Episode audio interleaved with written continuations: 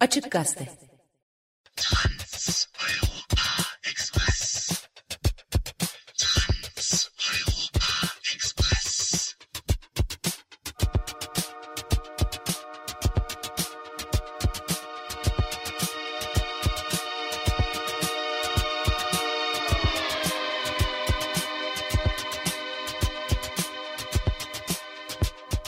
Avrupa ne konuşuyor?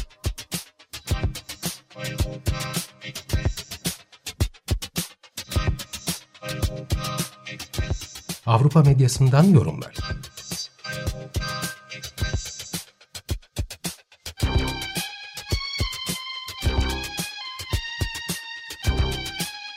Hazırlayan ve sunan Tuğba Tekerek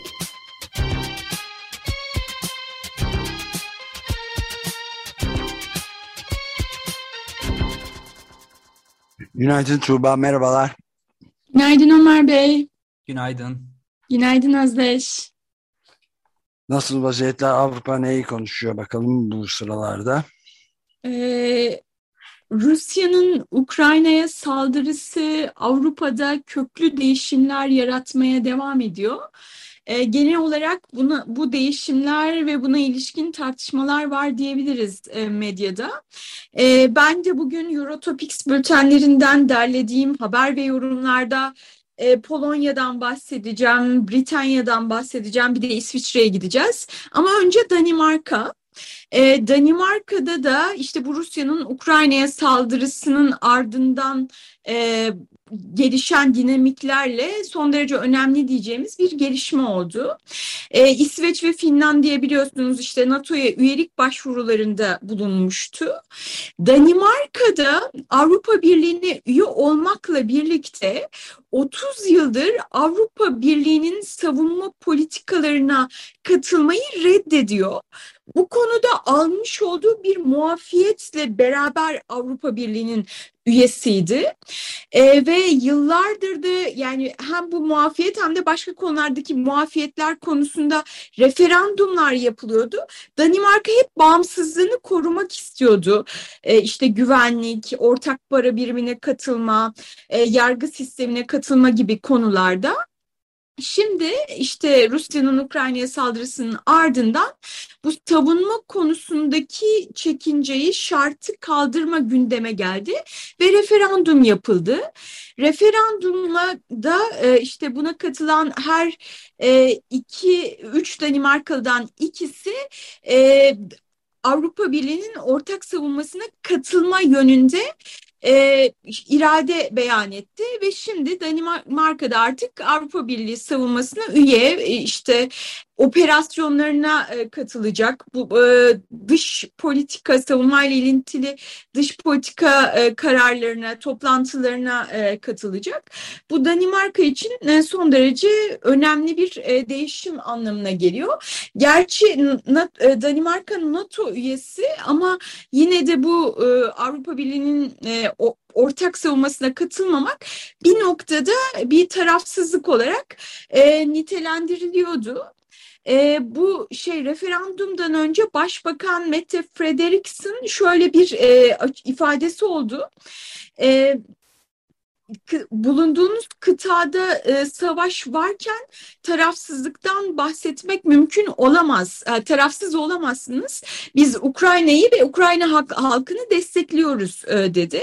Zaten partilerin de büyük kısmı e, bu e, savunma şartının kaldırılması e, yönünde e, fikir beyan ediyordu. Sadece radikal solcular, yeşiller e, ve e, Avrupa Birliği karşıtları e, biz kendi bağımsızlığımızı koruyalım diyordu. Ama e, şey e, işte halkın e, genel olarak görüşü Avrupa Birliği savunmasına katılmak e, yönünde e, oldu. Bir yorum aktarayım Jyllands Posten gazetesinden. Şöyle diyor yorumcu. Çekinceler Danimarka'nın AB ile ilişkisine derin zararlar veriyordu. Mesele ciddi olduğunda, işler ciddiye bindiğinde Danimarka şüphesiz Avrupa'nın çekirdeğine dahildir e, diyor buradaki yorumcu. Ve üstelik bundan sonrasında da e, diğer şartların kaldırılmasının da gündeme gelebileceği e, söyleniyor. İşte Politiken gazetesinden bir yorum. Danimarka'da AB ile ilgili referandumları kazanmak pekala mümkün. Sıradaki AB çekincesini kaldırmak için ne zaman oylama yapılacağını tartışmanın vakti gelmiş olabilir. Yani para birimine katılmak e, ya da yargı sistemine katılmak e, bu, bunlar da gündeme gelebilir. Hani görünen o ki Rusya'nın e, bu saldırgan tavrı yine dış düşman e, diyelim e, Avrupa Birliği'nde safların sıkılaşmasına yol açıyor. Ama bunun bir başka anlamı daha var Danimarka'nın attığı bu adımın. Genel olarak dünyada aynı zamanda Avrupa Birliği'nde işte tırnak içinde savunma harcamaları, askeri harcamalar gittikçe artıyor. İspanya'dan Love Vanguardia gazetesinden bir yorum aktarayım. Ukrayna'nın işgalinin en olumsuz sonuçlarından biri dünyada silahlanma yarışının yeniden canlanması oldu. Çin savunma yatırımlarını birkaç katına çıkardı. Kuzey Kore sürekli komşularını provoke ediyor. AB yakın zamanda kabul ettiği kararla askerileşme yönünde kararlı bir adım attı. Hali hazırda borsalarda hisseleri hızla yükselen şirketlerin hangi sektöre ait olduğunu gayet kolay tahmin edebilirsiniz. Dünya giderek askerileşiyor ve bu konuda çok az tartışma yürütülüyor. Ukrayna'daki savaş nedeniyle sarsılmış bir haldeyken e, dünyada savaş coşkusunun her yere bulaşmasına izin veriliyor şeklinde bir yorum. E, şunu da söyleyeyim, e, Danimarka e, bu kararın yanı sıra e, güvenlik harcamalarını gayri safi milli hasılasının yüzde ikisine çıkarma 2033'e kadar e, şu andaki 1.44'ten yüzde ikiye çıkarma konusunda da e, bir e, karar aldı. Dünyada silah harcamaları artıyor öz özetle. Evet ben de bir şey ilave edeyim izninle yani bu Danimarka'da hangi gazeteci son verdiğin yorum e, dünyanın ee, Politiken gazetesi. Politiken gazetesinin yorumuna katılmamak elde değil. Yani şöyle bir şeyden bahsetmek mümkün. Önümüze kan dondurucu e, raporlar bir bir ardından geliyor. Yani e, savaş ve insanlık suçlarının bini bir paraya olduğu bir durumdan bahsediyoruz. İnsanlar çocuklar da dahil, çocuk erkek ve kız çocukları da dahil analarının, babalarının ya da insanların, e, sevgililerinin, karılarının ya da kocalarının gözü önünde Rus askerleri tecavüz ediyorlar. Yani bu artık olabilecek en uç noktaya varmış durumda ve buna karşılık da silahlanmanın artırılmasından başka e, bütün gazetelerde ve radyo ve televizyonlarda hatta e, şeyde internet medyasında da e, pek bir bu konuda ses seda duyurulduğu da söylenemez. Yani dolayısıyla çok felaket bir duruma doğru sürükleniyoruz. Onu vurgulaması iyi olmuş politikenin. İşe yarar mı? Ee, e, ben sizin sorunuzu yanlış anladım. Düzelteyim İspanya'dan La Vanguardia gazetesinden Anladım. E, bir yorumcuydu. E, evet, evet ben de sizin yorumunuza katılıyorum bu noktada. Buradan bir şeye geçelim. Ee, Rusya'nın getirdiği bir askerileşme var. Bir yandan hani ABD safların sıkılaştırmasına e, sıkılaştırılmasına dair başka bir e, gelişme de var. O da Polonya'dan.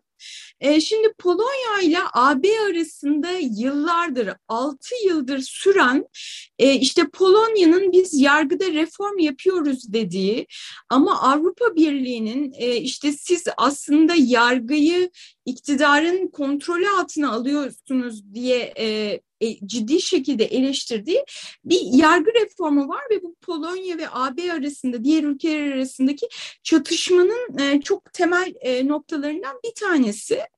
en şey öne çıkan noktası da mesela yüksek yargıçlar için bir disiplin kurulu e, kurmuştu Polonya. E, Avrupa Adalet Divanı bu Avrupa Birliği'nin yasalarına aykırı bu işte yargıyı kontrol altına almak bunu feshetmeniz e, gerek diyordu. Polonya'da hayır etmeyeceğim dediği gibi Anayasa Mahkemesi'nden bir karar çıkartmıştı. Demişti ki bizim kendi yasalarımız, ulusal yasalarımız uluslararası yasaların üstündedir. E, minvalinde bir karar çıkartmış. Avrupa Birliği'nin işte o ortak parçası olduğu ortak hukuk sistemini tanımamak e, yönünde böyle üst perdeden bir e, şey tavır geliştirmişti. E, ama bu Rusya da Rusya'nın Ukrayna'ya saldırısı pek çok şeyi e, değiştirdi ve Mayıs ayında Polonya e, bu disiplin kurulunu e, Mayıs ayının son e, haftasında disiplin kurulunu feshettiğine dair e, bir e, yasa e, çıkardı. E, ve Avrupa Komisyonu da uzun zamandır tuttuğu Polonya'ya 35 milyar avroluk yardım paketini e, onayladı e, işte Polonya ve Avrupa Birliği arasında bir e, hani o e, çatışma e, şeyinin e, hattının yumuşamasına dair e, bir süreç e, gerçekleşiyor diye görebiliriz. E, Polonya'dan e, muhafazakar bir haber sitesi Interya'da bir yorumcu şöyle yorumluyor bu gelişmeyi. Ormanlar yanarken güller için yaz tutmanın vakti değil. Bugün en önemli konu Batı'nın birliği bunu sağlamak için kimi tavizler vermeye değer ediyor. Yani işte biz Avrupa Birliği'nin hukuk sisteminin parçası değiliz e, ya da işte hani o bizi bağlamıyor da e, bu noktaya gelmiş e, gibi görünüyor Polonya bir açıdan. E, ama öte yandan Polonya'nın yaptığı yani bu çark etmesinin de e, aslında görünüşte çark etmek, e, kozmetik değişiklik olduğu e, ve yargıdaki m, reformların e, işte iktidarın kontrol altına yönelik olarak devam edeceği e, yönünde de e, önemli uyarılar var. E, işte Avrupa Komisyonu Başkanı von der Leyen dedi ki işte bizim üç şeyimiz var, e, üç ana madde var. Bu konu biz anlaşmayı onayladık. E, ama bu üç konuda yargının bağımsızlığı konusunda adım atılmadan e, bu para serbest bırakılmayacak diyor e, Deutschland, Deutschland Funk'tan bir yorum aktarayım. E, diyor ki yorumcu kaos büyük ölçüde sürmeye devam ediyor. Brüksel yine de korona fonlarının ilk dilimini serbest bırakmalı. E, zira Polonya ve Polonya halkı Ukraynalı sığınmacıların ihtiyaçlarını karşılama gibi konularda bu fonlara muhtaç yapılacak sonraki ödemeler Polonya'da hukukun üstünlüğünün tutarlı bir şekilde onarılması koşuluna bağlı kalmaya devam etmeli diyor. Bu arada şeyde hatırlatalım Polonya'da 3.6 e, milyon Ukraynalı e, göçmen var. E, işte Polonya'nın hemen Ukrayna'nın komşusu olarak attığı önemli adımlarla da işte Avrupa Birliği'ndeki rolü daha bir üst seviyeye çıkıyor. Bu sığınmacıları, göçmenleri ev sahipliği yapıyor olması açısından da e, önemi artıyor. E, işte Rusya'nın Ukrayna'ya saldırısı Polonya-AB ilişkilerinde de e, böyle bir e, değişikliğe yol açmış durumda. Evet Polonya'da bir de bütün bunların dışında e, kürtaj hakkı konusunda fevkalade geri, gerici diyelim ve kanunlar da çıktı ve artık fiilen kürtajın fiilen imkansız hale getirildiği bir ülkeden de bahsediyoruz. Evet ama siz de her şeyi bir anda istiyorsunuz Ömer evet. Bey. Yani Pardon. evet. E, yani işte bu yargı sürecindeki çatışma 6 yıldır sürüyor. 6 yılın sonunda böyle somut bir adım atıldı ve Polonya geri adım attı falan. Evet işte doğru. Onları diğer şeyleri de biraz bekleyeceğiz sanıyorum. Tamam haklısın. geri aldım. Erteledim itirazımı. Peki. Ee, Britanya'da e, Boris Johnson'la ilgili bir e, güven, on, güven oyu oylaması yapıldı. E, siz de bahsettiğiniz paçayı kurtardı dediniz.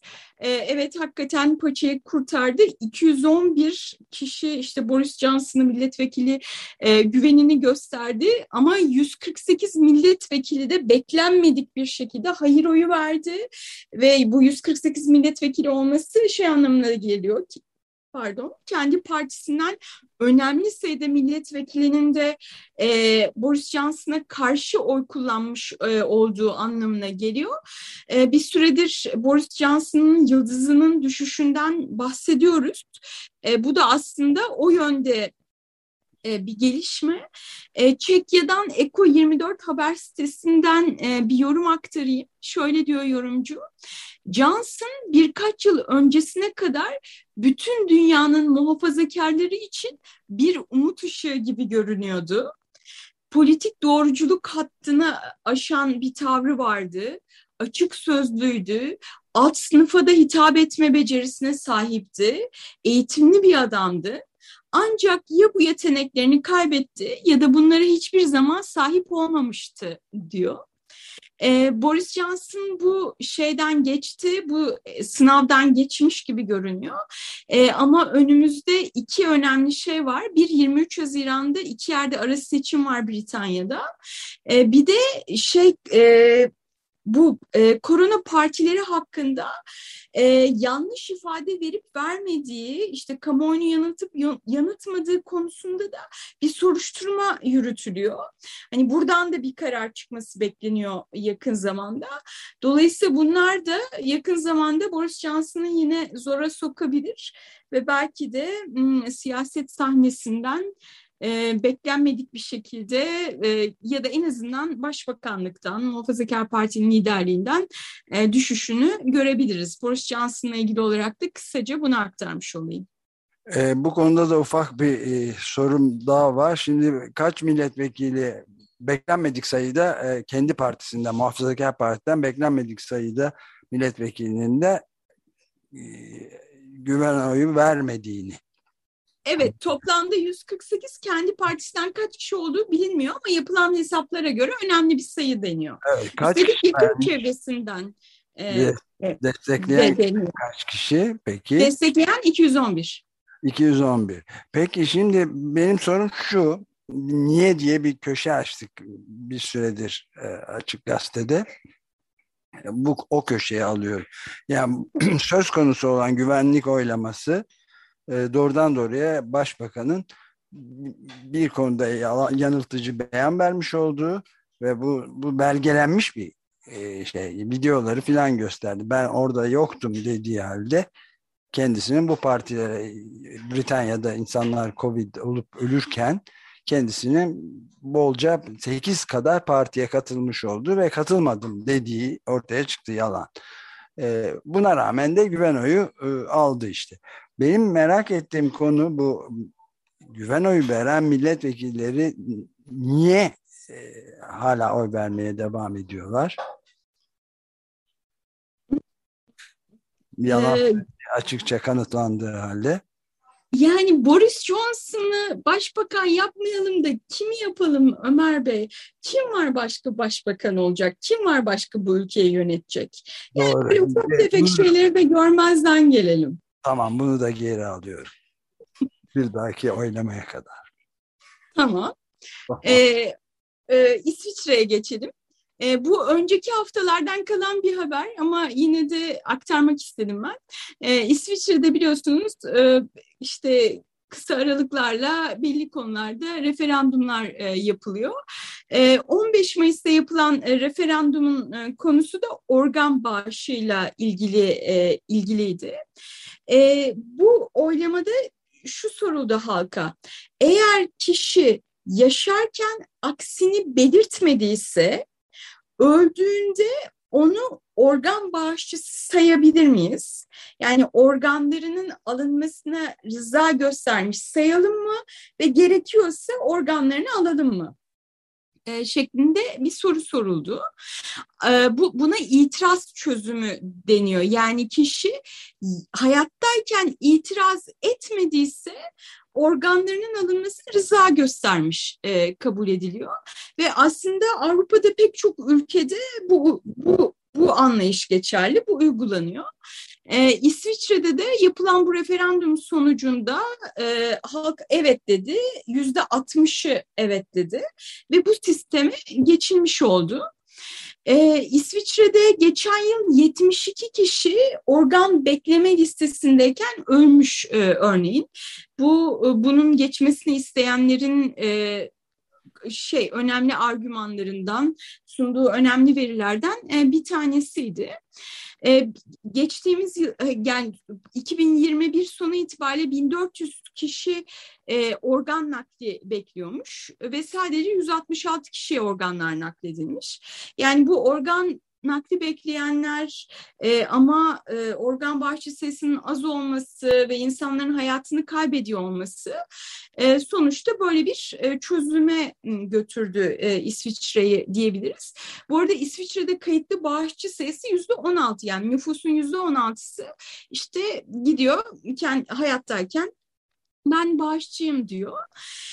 Bu işte genel olarak olumlu karşılanıyor ama bir yandan da e, bunun gündeme getirdiği ya da bazı yorumcuların gündeme getirdiği şöyle bir e, şey var, bakış açısı var. Neue Zürcher Zeitung'dan aktarıyorum.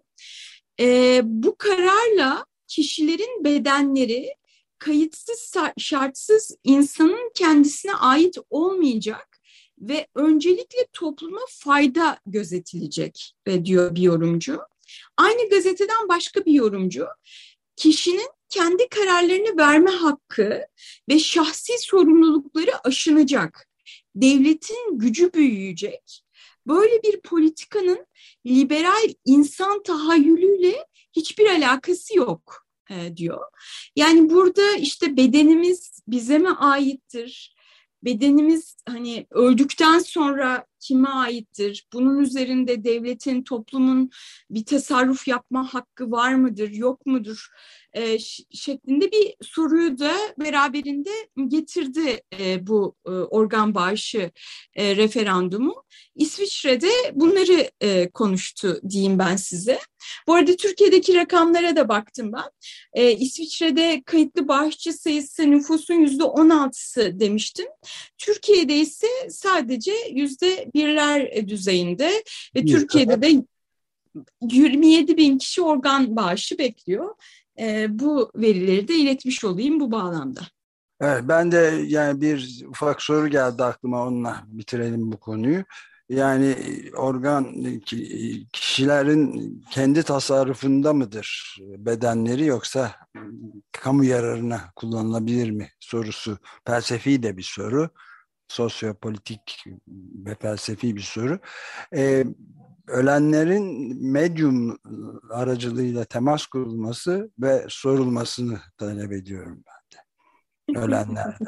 Organlarını bağışlamak ister miydi öldükten sonra diye henüz henüz e, böyle bir şey geliştiremedik, teknolojiyi geliştiremedik Ömer Bey. O yüzden bu talebinizi de biraz beklemeye almak e, durumundayız. Geri çekiyorum şimdilik. Böyle. E, Eurotopics bültenlerinden bu haftalık aktaracaklarım benim bu kadardı. Gelecek hafta görüşmek üzere diyelim o zaman. Çok teşekkür ederiz Tuba. Görüşmek üzere. Güle güle.